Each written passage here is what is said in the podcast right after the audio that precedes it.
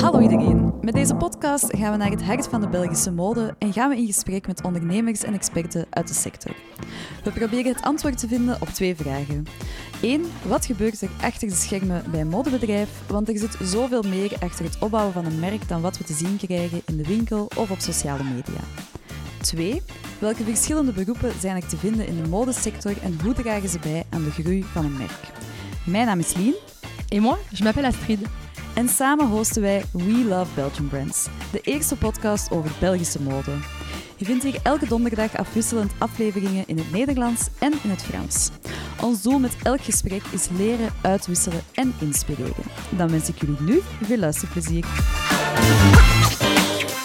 Hallo Caroline, welkom eh, op deze podcast. Hoe gaat het? Dag Lien, heel leuk dat jullie mij, mij hebben uitgenodigd. Alles heel goed. Ik was uh, een paar uur geleden nog van plan om misschien naar het ziekenhuis te gaan om te bevallen. maar hier zit ik dan toch nog zonder Yay. baby, dus uh, dat valt Leuk. Ja. Ehm, fijn, ja, we gaan er direct invliegen. Eh wie is Caroline? Eh, wel, ik ben ehm, 37. Ik woon in Antwerpen met mijn man en mijn dochtertje. Tweede kindje onderweg. Ehm, en ik heb twee jaar geleden een bedrijf gestart, Dresser. Ehm, en dat is eigenlijk het aanbieden van online verhuur van modeartikelen. Yes, daarvoor zitten we hier ook vandaag natuurlijk.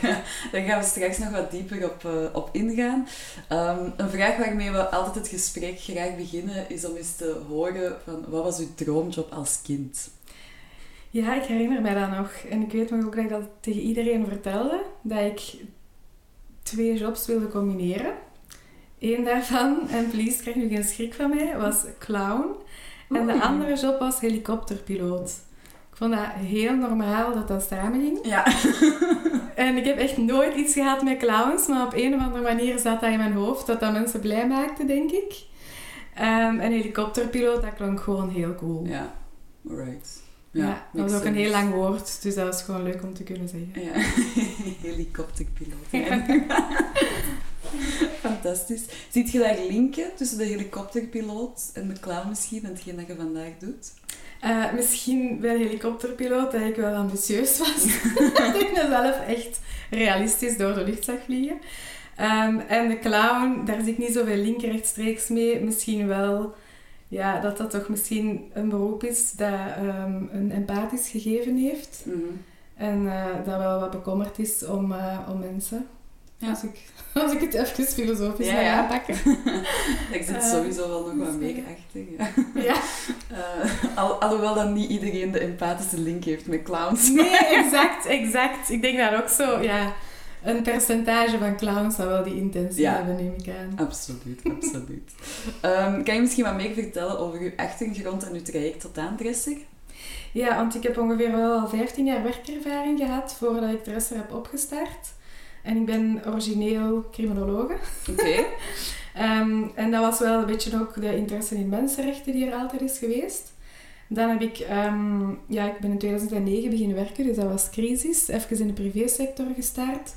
Ehm, maar dan toch voor justitie ook even gaan werken. En dat was wel wat met dat diploma van criminologie. Mhm. Maar dat was eigenlijk een job als juriste. Dat was redelijk droge materie. Dus ehm, dat was het toch niet helemaal voor mij. Het leukste dat ik vond was toen een heel groot evenement organiseren. Maar dat was natuurlijk ja, maar eenmalig en niet echt deel van mijn dagdagelijkse taak. En dan voelde Ja. ik van ja, daar leef ik van op, maar eigenlijk van mijn job niet. Ehm, en dan ehm, ben ik terug naar de privésector gegaan en ben ik redelijk snel beland in start-ups en de IT-sector. Ja. En dan had ik zoiets na de tweede start-up van ja, ik wil dat beter begrijpen. Voelde soms dat er iets niet goed zat in de strategie, maar ik kon dat niet benoemen, Mhm. omdat ik die kennis niet echt had. En dan ben ik een MBA gaan bijstuderen, dat is ongeveer zes jaar geleden. Oké. En dan moet altijd motivatie geven, want die kijken eerder naar motivatie Mhm. dan naar puur achtergrond of zo. Want criminologie is nu niet het diploma om zo'n studie te doen. Ehm, en toen had ik al gezegd van ik wil ooit iets doen met mode en mensenrechten. Oh, mooie combinatie. Ja, Ja. heel actueel ook. eh, Ja, exact. Dat, Ja. dat, dat raakte me echt, dat onderwerp. En ik dacht mm, toen, dat is, dat is natuurlijk een tijdje geleden, over transparantie van de waardeketen bijvoorbeeld. Als consumenten al weten door wie dat, dat item gemaakt is, kunnen ze eigenlijk een meer geïnformeerde beslissing nemen over het al dan niet aankopen. Dat Mm. was toen zo'n beetje de richting. Maar goed, ik studeerde af. Ik had net een studie gedaan waarvoor ik een lening was aangegaan. Uh, Ja, ja, ik woonde thuis terug ter- in Leuven, terwijl ik eigenlijk in Antwerpen woonde voordien. Dus dat was allemaal zowel de realiteit gewoon bij de Mhm. afstuderen. En dan dacht ik, ja nee, ik moet gewoon gaan werken. Ik kan nu geen bedrijf starten. En dan ben ik bij Movify beland. En dat heb ik dan gedaan tot ik Dresser opstartte. En dat was een job als business manager in de di- digitale sector. ehm, voor een Brussels bedrijf. En daar heb ik mee doen groeien van enkele consultants naar een bedrijf van 50 mensen. Oké, interessant. Dus dat is wel interessant. En dat digitale neem ik heel hard mee naar Dresser. Ja, Dus dat is wel effectief. heel interessant. En dat we dat nu bij Dresser ook in-house allemaal kunnen managen. Hmm. De ontwikkeling van het platform, eh, dat is wel handig. Ja, het is eigenlijk grappig dat je dat vertelt, want ik dacht vanochtend nog, toen ik zo aan het denken was, oké, wat wil ik weten of waar wil ik het over hebben? Ehm, ik heb ooit in een, ja, eh, niet per se vorig leven, maar een aantal jaren geleden tijdens mijn studies, heb ik ook ooit meegeholpen aan aan een project, een pop-up, die ook kleding verhuurde in, eh, in Antwerpen. Dat was een project van drie maanden. Ehm, en, en ik weet dat wij toen gekeken hebben van oké, kunnen we dat wat laten doorstarten, hoe kunnen we dat beter aanpakken? Eh, en een van de moeilijkheden was van ja, er is gewoon geen software of geen oplossing voorhanden om makkelijk producten te, uit te lenen aan klanten en dat gemakkelijk geïntegreerd te krijgen. Dus ik vroeg mij eigenlijk van de morgen af, hoe hebben jullie dat gedaan? Maar ik Mhm. hoor dan ook wel dat jullie veel in-house doen of werken jullie ook wel met bestaande oplossingen om dat te managen? Ja, um, goede vraag. Omdat ik denk dat veel mensen inderdaad ook niet beseffen dat onze grootste investering tot nu toe dat platform is. Mm. We hebben uiteraard eerst gekeken wat kunnen off-the-shelf zeg maar, gebruiken. En als je dan kijkt naar de evidente e-commerce platformen, dan is dat puur voor lineaire verkoop. Ja, die Ja. hebben niks om, om dingen terug te nemen of zo. Hè? Dus Ja. Shopify niet, WooCommerce niet, we hebben dat allemaal bekeken. We hebben uiteindelijk gekozen voor WooCommerce en WordPress omdat je daar meer zelf in kunt Ja. ontwikkelen. Dat is redelijk flexibel. Dat is een heel irritante backend voor ons om in te werken. Maar tenminste kunnen we er wel ehm, custom aan, eh, aan werken. En dan hebben we echt wel een jaar genomen, ten eerste om ja, onderzoek te doen. En dan een aantal maanden om eigenlijk heel het service design uit te werken. Hoe moet dat er nu uitzien? En die abonnementsformule bijvoorbeeld hebben we helemaal zelf ontwikkeld. Ah, ja. Want dan moet je ook gaan definiëren, iemand betaalt een abonnement. Wat mogen ze wel, wat mogen ze niet kunnen? Ja, ja. Daar zijn Ja. allemaal automatische mails aan verbonden. Dus dat is eigenlijk een heel complex systeem dat we zelf ontwikkelen. En dat is eigenlijk van in het begin met dezelfde developers gedaan. Dus een team van ehm, drie digitale experten die ik dan heb gemanaged tot nu toe. Dus ehm, dat, is, dat is wel belangrijk, want in mee moeten dan ook kiezen, geef ik aan een agency. Maar eigenlijk gaat dat dan de grootste waarde uit handen geven. Je, Ja. daar, je bent daar ook niet echt zo bij betrokken. Ehm, dus we hebben al snel beslist van nee, we gaan dat gewoon zelf doen. En dat is mijn zelfstandige ehm experten dan eigenlijk. Ja, ja kei interessant. Ik denk ook wel echt de, eh, de juiste approach. Want als je, je doel is toch echt om daar een, een digitale business van te maken. Ja. Als je dan ook je, je eigen code en je eigen ja, platform niet volledig in handen hebt, dan, dan heb je ook heel veel risico's dat daaraan verbonden zijn. Hè. Ja. Exact, ja. We krijgen Ja. af en toe wel vragen om, dat, om eigenlijk onze software te kunnen gebruiken, bijvoorbeeld in een ander land voor een andere markt. Dus uiteindelijk heeft dat ook wel waarde. Ja. Heeft dat ook wel marktwaarde, ja. Daar zit nog een businessmodel in. Eventueel, eventueel. Eerst even focussen. Ja. Ehm, kan je misschien wat meer vertellen over hoe dat dresser tot stand is, is gekomen? Eh, want je bent er nu twee jaar mee, mee bezig, maar ik kan mij ook wel voorstellen, na 15 jaar eh, in, in loondienst, dan neem ik aan, Ja. ehm, dat dat toch wel een, een bepaald proces is geweest om dan die stap te zetten. Ja, ik zeg altijd, eh, ook als ik zo eens moest pitchen voor netwerk ondernemen, want ik ben niet de typische ondernemer, want ik heb nooit gedacht, ik wil ondernemer worden. Ja, Uh, maar ik zag wel gewoon een nood of zo. En ik kon precies niet anders. Ik had echt zoiets van, Mm. dat moet ik doen. Want ik voelde al in mijn laatste jobs dat ik zo nooit echt een goed gevoel had met wat ik aan het doen was. Uh, en dan zeiden ze dat dat juist wel typisch ondernemen is, blijkbaar. Dus dat is grappig tegenstrijdig, vind ik. ja. Ehm, maar dus, hoe is dat tot stand gekomen? Toen ik bij Movify werkte, dat was ongeveer gedurende vier jaar, was ik ook geïnteresseerd in duurzaamheid. Maar dat had op zich niet veel met mijn job te maken op dat moment. Maar ik ging echt zo naar, ja, naar internationale events voor duurzaamheid. Wat eigenlijk allee, grappig was, omdat ik daar professioneel niet veel mee te maken had. Ik deed cursussen op Coursera om meer te weten te komen over mode en duurzaamheid. Al bij de Sustainable Development Goals terechtgekomen. En ik bleef daar maar zo Mm. mij in verdiepen, maar ik had daar ook niet veel ruimte voor. Ehm, omdat mijn job heel veel eisend Ja. was. Ehm, en dan op een bepaald moment voelde ik dat ik daar tijd voor wilde maken, om daar gewoon eens echt over na te denken. En ik ben door heel wat fases gegaan. Van, zou ik consulting doen voor grote bedrijven? Dat C-level overtuigen van oké, duurzaamheid of toekomstgerichtheid moet gewoon. Is, is, je hebt geen andere optie. En je gaat ook alleen overleven als bedrijf als je daarop begint te focussen. Dus de voordelen daarvan aantonen. Maar dan besefte ik dat ik geen econoom ben of zo. Of dat ik dat ook niet in modellen kon gieten of zo. Dat is niet mijn sterke kant. Ehm, en dan ineens kwam zo het idee, dus toen ik al gestopt was met mijn job, dus ik had wel wat tijd, van hé, hey, maar de link met mode kan ik nu eindelijk maken. En heel mijn leven al is dat van de sector die mij interesseert. Zelf was ik al gestopt met kleding kopen. Eerst even alleen tweedehands, dan niks meer, omdat ik me niet meer kon vereenzelvigen met heel dat model als consument. En dan dacht ik van ja, ik ga die twee eens linken. Ja, en dan bleek gewoon dat er in de modesector zoveel slecht gaat en zoveel verbetering mogelijk is. Dat ik dan naar modellen ben beginnen zoeken die dat heel de sector en heel dat ecosysteem zouden kunnen veranderen. En dan was rental een van die opties. En dan was er één moment dat ik me nog herinner dat ik een McKinsey-analyse aan het lezen was. En dan stond er van in Europa, Europa wacht eigenlijk op een unicorn bedrijf voor rental. En dan dacht ik zo, hey, Hallo. hallo, dat is mijn roeping vanaf nu. Ehm, maar dan moeten beginnen testen. Hè. Dus dan heb ik via SEC 10 merken kunnen interviewen. Om gewoon eens te weten, waar zitten die modemerken eigenlijk mee? Wat zijn die Ja. uitdagingen? Hebben die al eens gedacht aan verhuur of niet? En zo ja, waarom doen ze het niet? En daaruit kwam dan dat ze zoeken naar alternatieve modellen. Maar dat voor rental dat een veel te grote impact heeft op hun eigen infrastructuur en operationele processen. Ja. Veel te groot risico, met heel weinig zicht op wat dat gaat opbrengen. Ja, en qua cashflow nog moeilijker dan wat het vandaag al is, wat al eh, een heel grote uitdaging is. Ja, want het was ook midden COVID toen. De eerste, ehm, de eerste lockdowns waren toen ook juist gestart. Dus die modemerken hadden natuurlijk een slecht jaar. Ehm, het goede was, ze stonden dan wel meer open om te Ja. praten. En om te experimenteren waarschijnlijk ook. Ja. Ja, exact. En eh, dat is dan geëvolueerd in een pilootproject. We hebben nog een heel onderzoek gedaan ook met, met een aantal studenten naar de, aan de consumentenkant. Daar kwam uit dat er wel interesse was voor verhuur. En dat waren zo de grootste checks van ja, is er eigenlijk ruimte voor zo'n Ja. verhuurmodel in de markt waar dat we nu zitten? En ja, ik ga dat uiteraard in de markt Ja. proberen waar dat ik woon.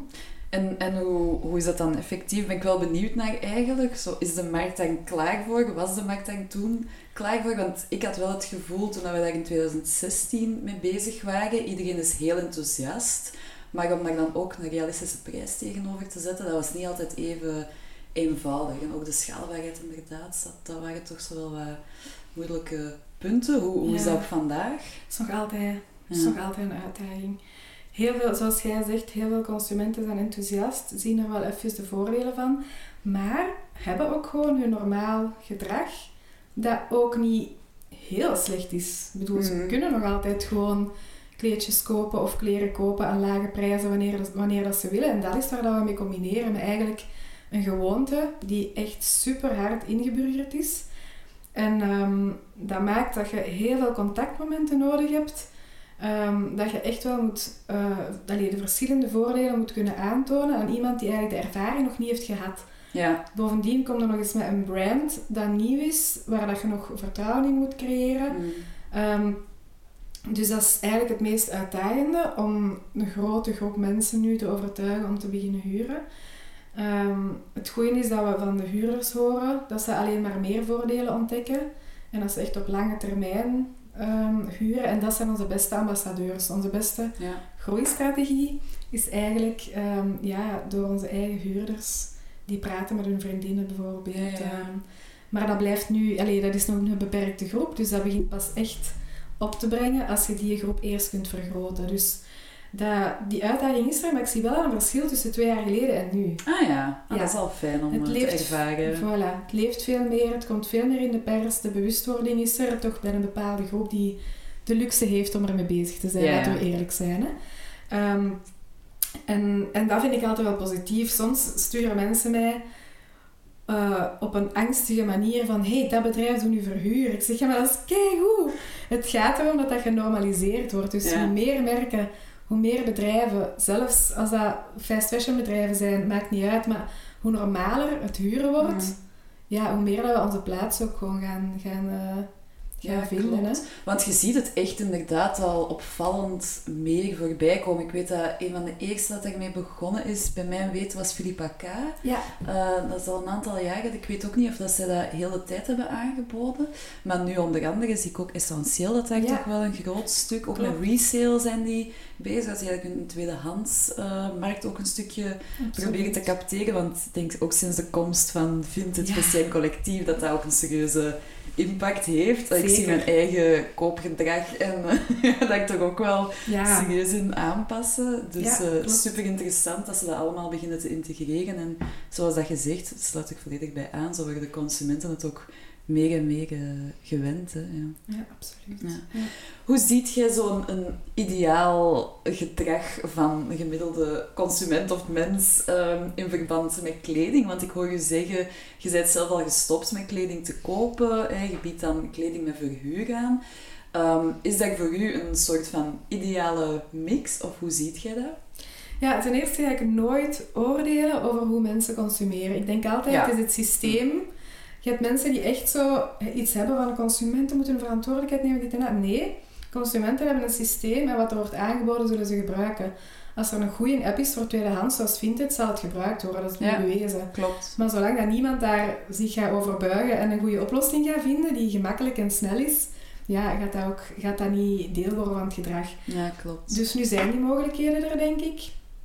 Ehm, dus ik denk ja, dat toch wel een soort van mindset eh, mag worden. Om voordat je iets nieuw koopt, om gewoon een aantal andere ehm, eerste ja, of, of initiële ehm, vragen te stellen, zal ik zeggen. Van, kan ik het gewoon lenen bij iemand die ik ken? Ik gooi het, iedereen heeft wel een familie WhatsApp of een vrienden WhatsApp. Hey, heeft iemand dat nog liggen? Ehm, we zitten met, met mensen die heel veel plaats hebben om dingen op te bergen, Ja, ja. die er zelfs vanaf willen. Ehm, en dan kijk je toch ook wel echt naar kringloopwinkels, naar de tweedehands websites. Ehm, en ik denk gewoon dat dat logisch moet worden of zo. En bij mij is dat al heel normaal. Zo. Ja. voordat ik iets nieuw koop, ga ik gewoon eerst even de vraag stellen. Ehm, en dan helemaal op het einde van de rit, als ik een lijstje heb, dan ga ik gewoon zien, oké, wat schiet er hier over? En dat ga ik even bestellen, bijvoorbeeld. Ja.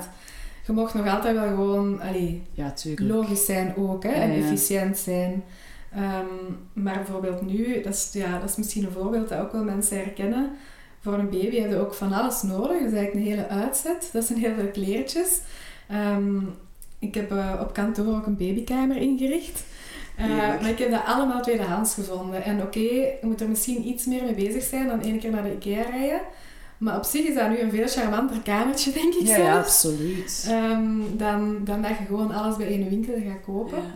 Dus ik denk wel dat dat een, ehm, ja, een Ja. gewoonte mag worden of zo. Ik denk trouwens ook dat ze bij, met babyspullen, dat dat model ook al iets vroeger geïmplementeerd geweest Ja. is. Zo verhuur en inderdaad die tweedehandsmarkt, die baby's verslijten die kleren niet, want die groeien daar zo snel uit. Hetzelfde inderdaad met meubels of speelgoed. Dus dat is al een trend, denk ik, die heel, eh, langer aan de gang is en waar de, de mensen al wat sneller openstaan om inderdaad zaken te huren of te lenen of Ja, uit te ja. wisselen. Dus inderdaad, heel mooi. Dat is heel logisch, hè. Ja. En eh, daarnaast, ja, denk ik, wat, wat echt kleren betreft voor onszelf, ehm, denk ik, als het echt over gelegenheden gaat, dat verhuur gewoon iets heel logisch kan zijn. Ja. Een kleed dat je echt eens wilt dragen van een mooie designer, goede kwaliteit, waarvan je ook bijna ervan uit kunt gaan dat dat uniek gaat zijn of zo Mhm. op een evenement. Ja, ja. Eh, ik denk dat die logica er al wel bij veel mensen is van ja, het is logischer om één keer te huren dan 800 euro te betalen voor iets dat ik één keer ga aandoen bijvoorbeeld. Ja, absoluut. Zo ben ik trouwens ook bij jullie terechtgekomen. En ik wist Ja. al lang dat jullie bestonden, want zo'n modellen, dat, dat springt altijd snel in mijn, eh, in mijn oog. Maar ik had voor Fashion Fever in, in juni, denk ik, zoiets van, oh, ik wil eens iets nieuw. Ik heb ondertussen al mijn goede stuks wel al wat gedragen in het ja. eerste jaar dat we bezig waren. Ehm, en zo ben ik ook bij jullie terechtgekomen voor een prachtig kleed van eh Marilyn Mantou. Ja, Ja, volledig zijden kleed, supermooie print. Ik heb daar zoveel complimenten op gehad. Ik heb dat ook nog twee keer, denk ik, nadien aangedaan of zo eens te gaan eten. Ehm, maar dat is inderdaad een stuk dat ik niet voor drie keer aan te doen zou kopen, want dat haalt je er gewoon niet uit. Dus, en, en nu denk ik ook wel van ja, ik heb nu mijn abonnement, ik heb wel nog wat dingen op de planning staan. Ik ben trouw ook eind van de maand dat ik, dat ik Ja. toe moet gaan. Dus dat zijn dan wel zo zaken dat ik denk, oké, ik ga eens langs gaan. Ik zat ook eerder bekijken als een soort aanvulling. Wat, Exact. ja, zaken dat je anders, eh, anders niet zou kopen. Ik heb ook al een kettingje van, van Anna Rossa, waar ik heel veel dingen al van, van heb. Maar het is super fijn om zoiets anders Ja. aan te doen. En ik ben zeker, als ik nu dat twee, drie maanden bijhoud, dan zeg ik, oké, ik koop dat, want het is echt wel bewezen dat ik daar veel geniet van, van ga hebben. Maar ja, of Ja. je hebt zoiets, ik wil het nog eens afwisselen en dan Ja. kan dat ook. Hè. ja, absoluut. Maar vat het perfect samen. Je bent Ja. ambassadeur. Dank je. Jee.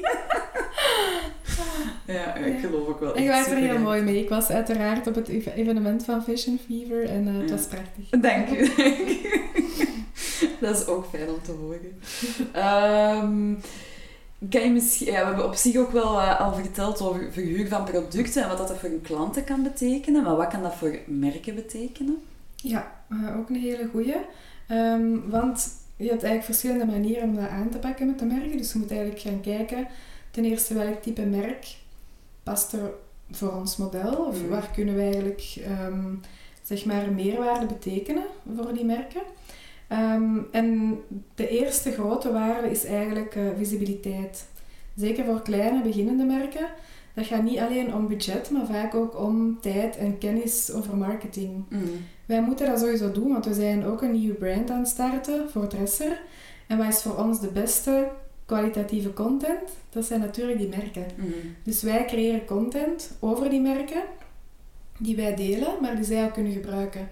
En zo komt er eigenlijk voor hun ook ehm, visibiliteit naar een nieuw publiek. Want wij bouwen ons publiek op, zij hebben hun eigen marketing met hun publiek. Maar bij ons, de items komen effectief terecht bij potentiële toekomstige klanten. Ja, ja. En dat is ook zo. Heel veel kleinere merken ehm, zijn niet gekend door de huurders in het begin. Ze komen eens naar de showroom of ze hebben zoiets van ja, de drempel is nu zo laag om eens een nieuw merk te testen, want ik moet het niet in een, aan een volledige retailprijs betalen. Ehm, en zo leren ze nieuwe merken kennen. En uiteraard gaan zij ook naar de, naar de websites van de merken, de social media van de merken beginnen kijken. ja. Dus dat is een hele belangrijke. Maar ik denk eigenlijk zelf niet alleen voor een kleine merk. Ik had met mijn eerste bestelling bij jullie een topje van Kieken, Ja, als ik het ja, juist ja. uitspreek. Ja, dat is een heel, heel gevestigde waarde. Ik ben nog nooit in mijn leven een winkel Exact. Kieken binnengestapt. Dus Exact. ja, misschien dat dat nu in de toekomst ook wel wat meer gaat gebeuren. Want ik heb die kwaliteit en die pasvorm ook kunnen ervaren. En ik zie bij jullie inderdaad ook de stukken hangen. Dus ik denk dat dat zowel voor een kleine als voor grote merken inderdaad Ja. toegang tot een nieuw doelpubliek lijkt me Voilà. inderdaad een hele mooie. Ja, exact. Het is niet alleen extra doelpubliek, maar je ontdekt inderdaad gewoon een heel nieuw doelpubliek. Zoals Terbleu en, eh en Giek, die focussen op één doelpubliek, beide merken, eh, met hun marketing. Maar daar vallen bijvoorbeeld vaak jonge vrouwen een beetje buiten. En eh, nu merken wij dat die merken extreem populair zijn bij onze jonge huurders. Dus net zoals bij u, is, is dat voor mij zelf ook een ontdekking geweest. Dat ik nu denk van, oké, ehm, ik heb de hele tijd Terbleu en Giek aan. En dat had ik vroeger nooit gedacht. Dus ehm, sorry Peter, als je luistert. Eh, maar ehm, nee, dat is dus zeker positief. En dat is data. Dat is het tweede luik. Data die wij bezorgen aan de merken. Dus wij gaan nu zeggen van elk item dat gehuurd wordt, wat is de leeftijd van de huurder en de locatie. En dan gaan we ook kijken hoe vaak worden items bijvoorbeeld in wishlists bewaard. En zo heeft een merk heel Ah, veel ja, kennis natuurlijk. over ja, wie is dat nieuw publiek en kan ik mijn marketing eventueel richten Ja. naar dat publiek voor die items. Ehm, en zo gaat het merk leren. En we gaan dat ook meer omzetten in adviezen, want je kunt data leveren, maar met data op zich zijn er niet veel als je dat niet gaat interpreteren. Mm. En dat is iets dat we gaan doen voor de merken, dat we dat veel interessanter gaan maken voor hun, zodat ze hun eigen marketing ook nog kunnen uitbreiden. Ja, interessant. En ik, ik kan me ook wel voorstellen, inzichten in hun collecties en hoe performant dat die zijn. Hè? Allee, dat is, je kunt eigenlijk dan je collectienummer achteraf op aanpassen, maar wel voor volgende zaken. Dat Ja. je ja, rekening houdt met, oké, dat type stuks of dat type stof. I don't know. eh, hoe dat Absoluut. dan, eh, we geven dan ook nog eens feedback op de producten zelf, Ja. omdat wij zitten met heel veel draagbeurten, we zitten met wasbeurten, dus wij kunnen eigenlijk ook iets zeggen over de kwaliteit Ja, En dat doen we ook. Ja, ja, Dus absoluut. eh, het is een combinatie van data en marketing. En de merken worden ook gecompenseerd voor elk item dat verhuurd wordt. En er is ook de optie tot aankoop. En dan verdient de merk eigenlijk ook, zoals in een normale retail, Ja, samenwerking, ehm, een percentage op die je verkoopt. Dat gaat eigenlijk ehm, hoofdzakelijk naar hen, ja, ja. die inkomsten. Ja, super interessant. Ja, dankjewel om daar wat meer in detail eh, over uit te wijden. Wa- Waar liggen jullie ambities met, met Dresser? Ehm, de, ik zal maar zeggen, de visie die ik heb of zo met Dresser is dat we verhuur willen normaliseren. Dat dat echt gewoon voor een consument even normaal wordt als aankopen. Hmm. Als we daar geraken en als een bepaald percentage van de garderobe altijd afgewisseld wordt in verhuur, dan maken we allemaal samen een super grote ecologische positieve impact. En dat is eigenlijk de droom. Ja. Ehm, concreet is dat ja, eerst de Belgische markt, zeg maar, ehm, daarvan overtuigen. Eh, en dan volgen wij een beetje de taal. Want als je in marketingtermen denkt, dan gaat je advertising eigenlijk in één taal doen. Als je dat in twee talen begint te doen, dan verdubbelt de kost. Dus dat is gewoon Ja. een hele praktische overweging. Eh, ik heb dat ook nog maar recent geleerd, ehm, dat dat zo werkt. En marketing wordt onze grootste investering de komende jaren. Ja. Dus dat betekent dat we zullen focussen op ehm, Nederlandse marketing om te beginnen, advertising. Vlaanderen, Nederlandstalig, ehm, Brussel, Wallonië. En dan gaan we naar Nederland. Ja. Dus dat is onze eerste stap. En de bedoeling dan is om uit te breiden naar andere talen en natuurlijk die gebieden ook te bedienen. Nederland is een goede keuze omdat we Nederland kunnen bedienen ehm, vanuit Antwerpen. Dus wij kunnen al onze logistieke processen vanuit Antwerpen blijven doen Ja, ja. en alles in één plaats houden van stok. Want Dresser is eigenlijk een heel operationeel verhaal. Ehm, vanaf dat we naar Frankrijk of Duitsland gaan, eh, of een ander land, dan moeten we daar een business unit creëren. Dat is een heel, andere, ehm, een heel ander verhaal, want dan moeten daar eigenlijk een plaatselijke stok beginnen maken. Gewoon om snelheid te kunnen hebben Ja. en om korte afstanden te kunnen hebben eh, voor de pakjes. Ja, tuurlijk. En ik denk dat een beetje hetzelfde verhaal, net zoals bij uw software-uitdagingen, dat er geen off-the-shelf oplossingen voor zijn, kan ik mij ook voorstellen dat in logistiek eh, de, de TPD's en de DHL's, het internationale UPS'en van deze wereld, die hun modellen en services zijn waarschijnlijk ook niet gebouwd op pakjes die de hele tijd terugkomen en stok die geleend wordt in plaats van verkocht. Of valt dat Ehm, nog mee? zou Het misschien meer over warehousing dan Ja. over het puur verzenden. Ja. Exact. Dus we gaan altijd met een transportpartner werken. We kunnen niet alles zelf doen. En omgekeerd, de logistiek begint meer en meer deel te worden van de dienst dat die transportbedrijven leveren. En ook, je hebt bijvoorbeeld ehm, tussenpartijen zoals SendCloud. En zij zorgen ervoor dat je gelinkt bent met al die transportpartners. En voor eigenlijk een lage fee per verzending kun je dan eh, de omgekeerde logistiek goed organiseren. Dus zoals je zelf zegt, het gaat veel meer over warehousing. Dus Mm. we kijken nu naar ehm, drie stappen in automatisering. En we gaan evolueren naar een volledig automatisch systeem met allemaal hangende stuks. Eh, waar dat we ook in de toekomst het wassen internaliseren. Dus dat dat allemaal op dezelfde locatie gebeurt. Oké. En dan zou de order picking automatisch gebeuren. Dus het enige dat nog manueel gaat zijn, is eigenlijk het inpakken. Oh, wauw. En daarvoor hebben we nu al een, eh, een eh, samenwerking voor sociale tewerkstelling. Eh, en dat willen we natuurlijk uitbreiden. Ja. Hoe beter dat je dan georganiseerd bent, hoe meer taken ook kunnen opgenomen worden in sociale tewerkstelling. Ja, ja. En dat is iets dat we nu al eigenlijk helemaal hebben uitgetekend tot 2028. Dus daar ja, moeten we ook nog wel Wow. budget voor vinden. En voor groeien natuurlijk. Voor de, voor de items die we nu hebben, willen we gewoon al dat er ehm, een mogelijkheid is om het item te scannen. En om het altijd te kunnen volgen. Want Ja. dat hebben we momenteel nog niet. Dus eh, Ah, ja, ja, ja. Ah, interessant. Ik heb dat ook ooit onderzocht met zo RFID-tags. Ja, ja, en ja, ja, dan kun je exact. eigenlijk wel leuke dingen mee doen. En voor in en uit je warehousing te gaan, is dat ook wel... ja, dan weet je de exacte locatie. Dat is gelinkt aan de kapstok dan de item. Dan kunnen we ook geen fouten meer maken nu. Ja. Een order komt binnen. We gaan letterlijk zelf in de stok dat item zoeken. Maar een 36 naar 38 wordt al eens verwisseld. Zeker ik. Allee, ik zie het dan niet goed. Er komen veel herinneringen bij mij ook terug. De struggles. Ja. Ja, dus eh, nee, dat moet echt anders. En Ja. we hebben nu toch wel meer dan 3000 items, dus het wordt echt tijd voor die eerste Ja. implementatie. Eh, en daarvoor hebben we een subsidie aangevraagd, dus we zullen zien ehm, hoe snel dat, dat kan. Interessant, ja. Ik, eh, veel succes en alles mee. Ik hoop dat je ze binnenhaalt. Ehm, maar nice, ja. Mooie, mooie ambitie eh, ook wel. Ehm, world domination.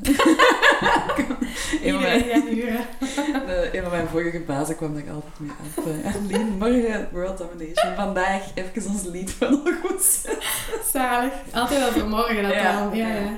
Ehm toen mij ook een beetje denken aan, aan het model dat volgens mij Rent the Runway heeft, wat toch wel ook een heel gevestigde waarde is in, in Amerika. Ik denk ook wel heel veel Ja. gelegenheidskledij, omdat ja, trouwfeesten in Amerika ook wel nog iets zotter zijn qua outfits dan, eh, dan bij ons. Dus, eh, maar inderdaad, daar heb je ook de schaal, dus eh, het is mooi dat je de ambitie ook hebt om dan naar, naar Europa te trekken. Ik denk dat daar ook wel ja, veel waarde in, in gecreëerd kan worden. Hè.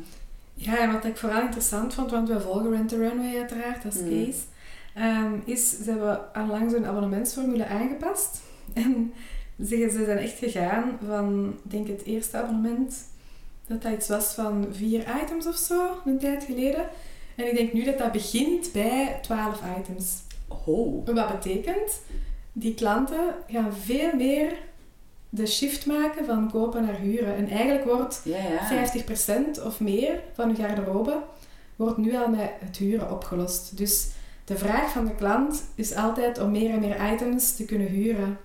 Wat heel positief is, Ja. want daar tegenover staat waarschijnlijk dat ze veel minder kopen. Ja, ja. En dat vind ik wel interessant om te volgen, want ze zijn al wat langer bezig, dus die klanten zijn het meer gewoon. Ehm, en dat is wel een interessante evolutie om te zien. Maar ja, inderdaad. Fijn. Hm. Ehm, naast hè, de, de mooie ambities dat je ermee hebt en de positieve impact dat zo'n model brengt, op vlak van het ondernemerschap, hè, want je hebt dat juist eh, al, al gezegd, want ik had dat niet per se als doel om, om ondernemer te worden, dat is zo maar een beetje gelopen, hè, hoe het gelopen is. Wat zijn op vandaag de grootste uitdagingen daarin als ondernemer en met de rest in het algemeen? Mhm.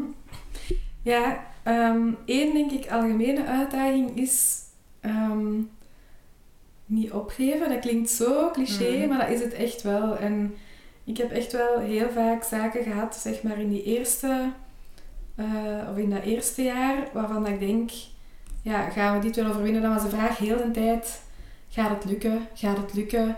Zijn we er volgende maand nog als bedrijf? Ehm, en ehm, toen had ik een keer ook heel veel stress over cashflow gewoon. Mhm. Want ja, je moet dat team natuurlijk kunnen blijven funden. Of je projecten zijn gewoon on hold. Ehm, en dat is wel zoiets dat ik al een beetje heb geleerd. Om daar iets rustiger onder te blijven. Omdat ik ook zoiets heb van ja, we lossen de problemen gewoon op die er zijn. Mm. Ehm, en het heeft ook geen zin om al verder te kijken en naar die, over die problemen of uitdagingen Ja, te ja. stresseren. Ehm, maar dan toch weer de laatste ehm, uitdaging was toch weer funding. En daar ben ik sinds december al mee bezig. En die ronde is zo goed als afgerond. Maar dat is wel echt een heel zwaar proces geweest, vind ik. Je hebt toch wel... Ik heb de droominvesteerders kunnen overtuigen, die voor mij de droominvesteerders Ja, waren. Die staan voor ecologische impact, sociale impact. Maar het proces zelf is heel zwaar. En wat ik daar zwaar aan vind, is dat je het operationele eigenlijk echt een beetje moet loslaten op dat moment. Mm. En dat is ook een les, hè? Loslaten. Ja, loslaten van de operationele, maar ehm, dan lijkt een dag wel echt te kort. Ja. En ehm, Mm. het, het is nooit gewoon ja, in zo'n, in zo'n proces. Nu nog niet. En ik heb toch wel feedback ontvangen ook. En ehm, ik apprecieer alle investeerders, absoluut. Maar er zijn er ook uiteraard die nee hebben gezegd, daar hoort er ook bij. Maar wat, dat, wat dat ik vooral heb gehoord van feedback, het is voor mij nieuw, van mijn financiële expert die bij sommige van de meetings zat, was... Ik heb nog nooit een proces gezien waar dat de meetings zo moeilijk waren, waar dat ze u zo, zeg maar, ja, kritisch eh, behandelen. En Wow. dat ik dan toch zo denk van, ja, je kunt dat vaak niet vergelijken.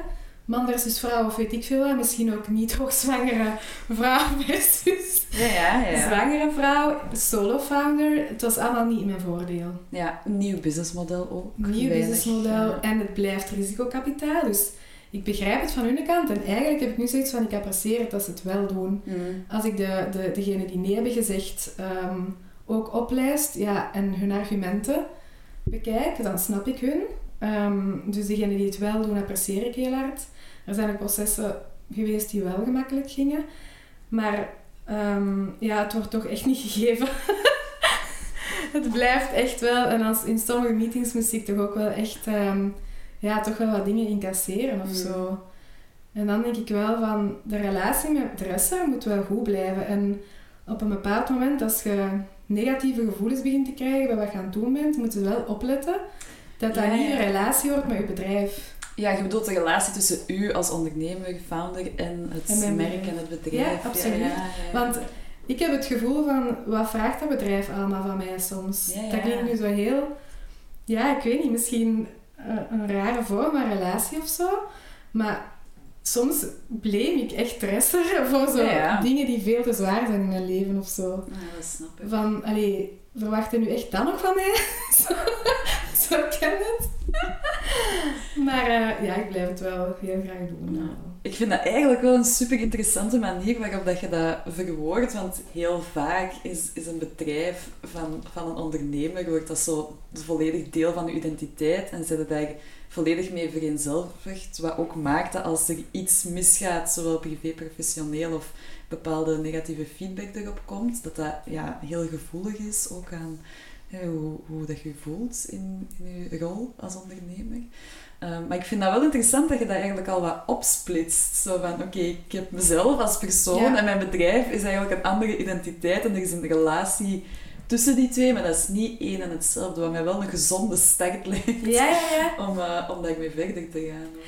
Ja, ja, dat is wel. En, maar wat, wat ik vooral geen energie meer voor heb, is als ik dan in meetings zit met mensen die zeggen van ik heb wel interesse om misschien te investeren. En die dan eigenlijk zo de super clichématige kritiek beginnen geven op dresser. Ik ga daar gewoon niet meer op in. Omdat Ja. ik denk, als je al niet mee bent met het feit dat dat een verandering is die er moet komen. We hebben 50 merken die bij ons werken, wat bevestigt dat, de, dat die sector het nodig heeft. Maar ik ga niet beginnen met de beginselen van dresser Ja, ja. daar iemand van te overtuigen. Dus daarom heb ik zoiets van, laat zitten en ik ga wel verder met de mensen die voor 90% eigenlijk al overtuigd zijn dat Ja. dat iets is waar dat ze achter staan. En de 10% is, geloof ik in een ondernemer, zit dat businessmodel een beetje goed, zitten die plannen goed voor de toekomst. Meer moet dat ook niet zijn. ja. En ehm, dat is denk ik wel iets in die zoektocht. Zoek meteen gewoon de juiste partners om mee te beginnen praten, die dezelfde visie Ja. of dezelfde waarden hebben of zo. Ja, ja, absoluut. Ja, je kunt niet de hele tijd je liggen verdedigen. Dat vraagt ook Nee. zoveel energie. Nee, dat vind ik Nee. een heel wijze beslissing. Dus ja, Thank you, dan- bye bye. Ja. ja, maar Dus er zijn er sommigen die denk ik liever een interessante discussie hadden uitgelokt, maar die dat niet uit mij kregen. En dan zeg ik van, "Het is goed Jan. Ga maar verder op je normaal elan en ik ga je niet van gedacht proberen te veranderen als je dat zelf niet ziet. Wauw, ik hoor hier eigenlijk onderliggend heel veel spirituele lessen in. ik hoor eh, in het nu zijn, niet te veel met de toekomstige problemen bezig zijn, loslaten, gewoon voor je eigen ding staan en niet te veel laten meeslepen Ja. met wat andere, ja, hun proces is ook. Of. Overlevingsdrang, denk ik. Ja. Dat is de basis van ons bestaan natuurlijk. Ja. Ehm, fijn, ja. Ik denk dat we stilaan op het einde van ons eh, gesprek zijn. Eh, en dan, ja, we hebben het hier natuurlijk over Belgische mode eh, op deze podcast. Wat betekent dat voor u? Ik besefte niet wat dat voor mij betekende voor dresser. Ik heb zoveel designers leren kennen. Ik heb ontdekt wat dat die Belgische mode echt betekent. En dat is echt, echt straf. Zoveel mensen die vanuit een passie beginnen, die het sowieso de eerste jaren extreem moeilijk hebben. Die echt steun nodig hebben van, van hun omgeving, die doorzettingsvermogen nodig hebben. Er zijn spijtig genoeg een aantal hele mooie merken ook tijdens het traject bij Dresser eh, gestopt. Wat eigenlijk allee, op dat moment zo verbaasde, want die, die items waren super populair bijvoorbeeld bij Dresser. Ehm, dus die ontdekking is wel echt zalig geweest voor mij. En ik denk dat dat voor veel Belgische consumenten het geval is. Dat ze eigenlijk niet weten hoeveel goede designers Ja. dat er hier zijn. Ehm, letterlijk één eh, juwelenmerk. Dat is iemand die gewoon echt om de hoek haar atelier heeft van waar ik woon. En dat wist ik niet. Dus Ja. van die zaken die je dan ontdekt. Ehm, en eigenlijk was het ook niet de bedoeling om met 45 Belgische labels per se te zitten. Ik zie lokaal als Europese labels. Maar het is gewoon organisch zo gegroeid. Ja. En er zijn er nog heel veel in België die we graag eh, willen spreken over, over Dresser en over wat hun wensen zijn. Ehm, dus eh, het is een luxe. We zijn super verwend in België. En ik hoop gewoon dat wij ja, ook wel die consument een beetje kunnen introduceren aan die merken. Ja. Ja. Mooi, dankjewel. Mooi antwoord.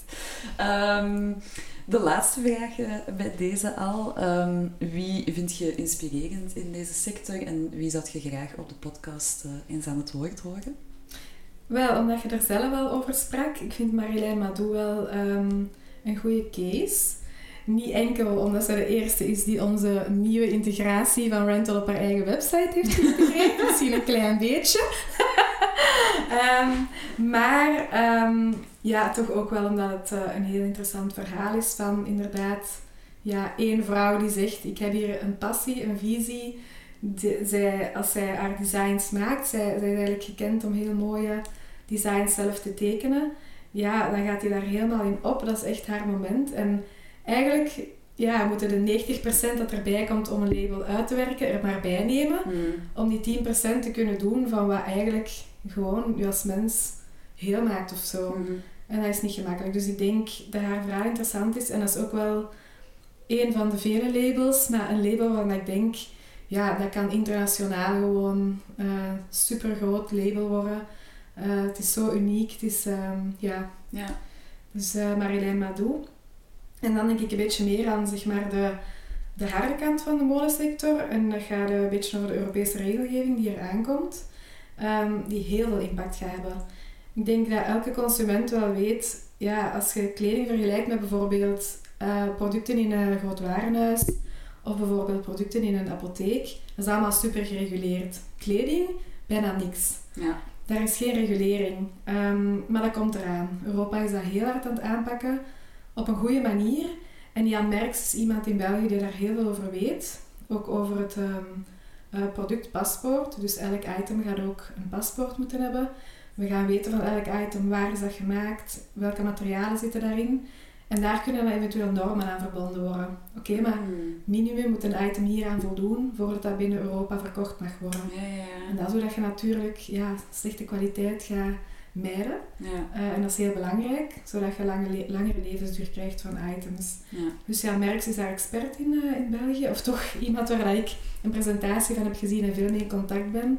En hij kan dat wel goed uitleggen. En er was gisteren nog een artikel in de krant over eh, dit onderwerp. Dus ik denk, het gaat meer en meer leven. ja.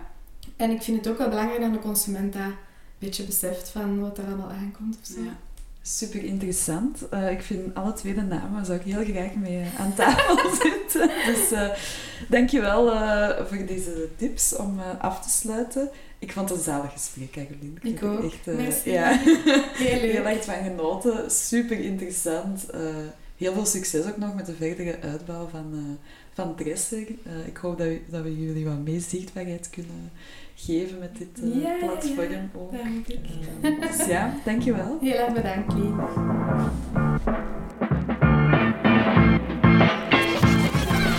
Super fijn dat je naar deze aflevering tot het einde hebt geluisterd. Ik hoop dat je ervan genoten hebt. Ik nodig je graag uit om deze podcast te delen en met 5 sterren te beoordelen. Dat helpt ons enorm om meer zichtbaarheid te krijgen. Zo kunnen we zoveel mogelijk mensen inspireren met de verhalen van ondernemers die in deze interessante sector actief zijn. Je kan ons ook vinden via LinkedIn en Instagram onder Astrid Lefevre en Lien de Groen. Aarzel niet om ons te contacteren met vragen of ideeën. Bedankt voor het luisteren en tot volgende week.